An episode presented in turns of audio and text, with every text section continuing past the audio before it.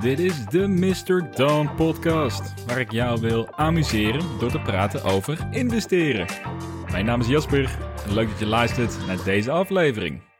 Als ik je één tip kan geven waarmee je in één klap een betere belegger wordt, dan is dat het maken van een wishlist. En dit is een lijst met aandelen die jij hebt bekeken en die je graag zou willen toevoegen aan je portfolio zodra ze een bepaalde koers bereiken. En het grote voordeel hiervan is dat je leert om het proces van een aandeelanalyse te doorlopen en dat je op ieder moment weet welke aandelen je wilt kopen en voor welke prijs. En hiermee voorkom je dat je in een opwelling aandelen gaat kopen zonder goed nagedacht te hebben over waarom je die eigenlijk koopt, of dat je misschien wel te veel gaat betalen ervoor. En in deze aflevering loop ik je door mijn proces in het bouwen van je eigen wishlist.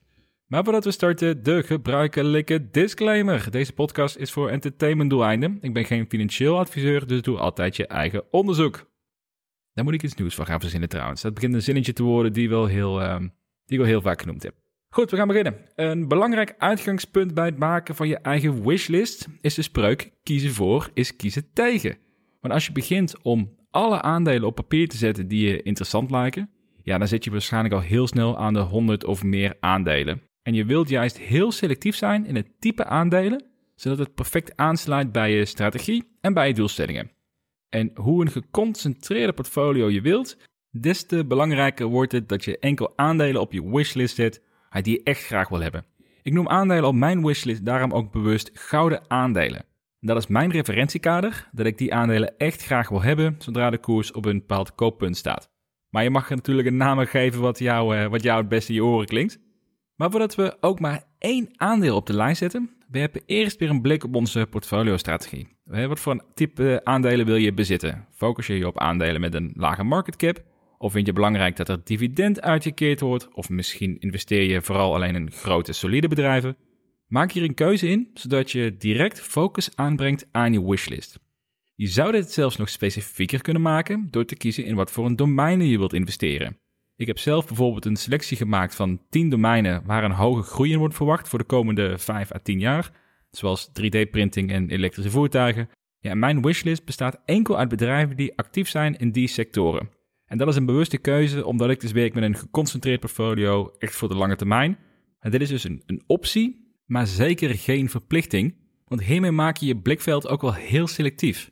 Dus dat is eigenlijk alleen praktisch als je bewust kiest voor een portfolio van maximaal 10 posities. Anders maakt het jezelf wel echt lastig. Nou, ben je nou iets minder van een geconcentreerd portfolio, wil je meer een divers portfolio aanhouden en meerdere posities bezitten, dan zou ik dat niet per se uh, die focus op domeinen gaan aanbrengen, omdat je daarmee het, uh, je, je, je scope wel klein maakt. Goed, als je dan kijkt wat voor een type aandelen je wilt bezitten, dan zou ik aanraden om een methode te kiezen waar je je wishlist in gaat bijhouden. Excel is een prima tool hiervoor, wat ik zelf ook gebruik. Je hoeft het allemaal niet te ingewikkeld te maken. En in Excel kun je een simpel overzicht maken met in ieder geval de volgende dingen. Uiteraard de naam van het aandeel, het segment waarin ze actief zijn. Dan heb je genoeg ruimte nodig om heel concreet jouw redenen op te schrijven waarom dit bedrijf een perfect onderdeel van je portfolio zou kunnen zijn. En dan afsluitend je koopdoel. En de redenen om te investeren, die zou ik echt heel concreet maken. Dus om je een voorbeeld te geven wat ik heb opgeschreven bij Adobe, staat bij mij marktleider in Creative Cloud, verbreding in AI, advertising en digital transformation, hoge marges en hoge groeiverwachting. Dat is eigenlijk alles wat ik daarop opstaan en wat mij genoeg beeld geeft over waarom dat een interessant aandeel is voor mij.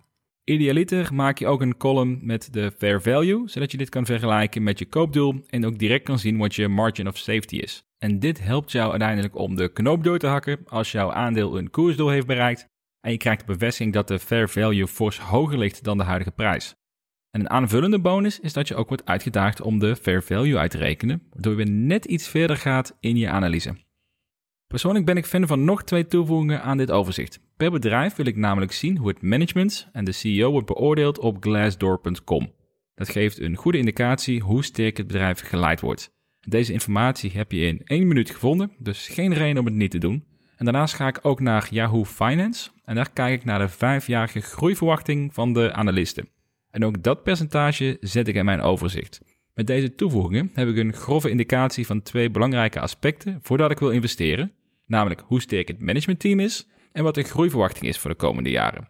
Want stel nou dat de markt in zijn geheel met een flinke dip te maken krijgt en meerdere aandelen op mijn wishlist die bereiken het kooptarget. ja, dan is het mogelijk dat je zult moeten gaan kiezen waar je in wilt investeren op dat moment. En dan is het heel fijn dat je meerdere vergelijkingen hebt om je definitieve keuze op te baseren. Namelijk je primaire reden waarom je wilt investeren, maar dat is ook aangevuld met twee meer cijfermatige onderbouwingen. In het afgelopen jaar heb ik tweemaal meegemaakt dat er meerdere aandelen tegelijkertijd het koersdoel bereikten, dus het is verstandig om hier wel gewoon op voorbereid te zijn. Nou, in deze fase heb je bepaald in welke type aandelen je wilt investeren en hoe je je wishlist gaat opbouwen. Dus nu is het tijd voor het echte werk, namelijk het analyseren van de aandelen. Nou, hiervoor heb ik meerdere artikelen geplaatst op mrdon.nl die jou hiermee helpen. Onder meer het artikel genaamd 6 uitstekende sites om aandelen te analyseren.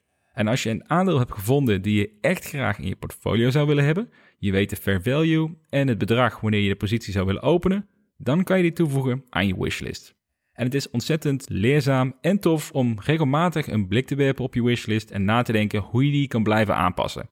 Zie het echt als een lijst die continu in beweging is. soms zul je alsnog besluiten om aandelen eruit te gooien, omdat ze niet de groei doormaken die je had verwacht. Ja, en hopelijk zal je lijst ook steeds verder groeien met toffe aandelen die gaandeweg op je pad komen. Afsluitend wil ik je twee belangrijke tips meegeven. Probeer je wishlist zoveel mogelijk te zien als een commitment naar jezelf toe. Als je een aandeel op je lijst zet met een koersdoel erbij en dat koersdoel wordt bereikt terwijl het bedrijf fundamenteel niet is veranderd, bijvoorbeeld tijdens een brede marktcorrectie, ja, dan ben je bijna verplicht aan jezelf om een positie te openen. Je maakt deze wishlist namelijk om voorbereid te zijn op kansen die een bovenmatige negatieve markt jou biedt. En als je dan niet profiteert van je voorbereiding op het moment dat een echte kans verschijnt, ja, dan heb je niet zo heel veel aan een wishlist. Dus je zult wel die trekker moeten overhalen. En de laatste tip, wees kritisch op de aandelen die op je wishlist zit en voeg geen enkel aandeel toe waarvoor je niet het noodzakelijke onderzoek hebt gedaan. Je kan daarvoor wel een schaduwlijst maken met potentiële aandelen die je eventueel op je wishlist wil zetten, waar je nog onderzoek voor moet doen. Maar die mag je pas op de lijst zetten als je huiswerk hebt gedaan. En pas als je dat doet, dan ben je namelijk zelfverzekerd genoeg om jouw favoriete aandelen te kopen zodra de markt jou die kansen biedt. Nou, en hiermee komt aflevering 36 alweer ten einde. Ik ben heel benieuwd naar de aandelen die op jouw wishlist komen te staan. Dus laat mij dat weten via een reactie op de site of via Twitter of Instagram op de naam Mr. Don NL. Mijn wishlist en bijhorende kooptargets is geheel openbaar en kan je vinden op de website www.mrdon.nl. Naast nog meer artikelen over beleggen, cryptocurrency en startup investing. Voor nu, bedankt voor het luisteren en graag tot de volgende aflevering.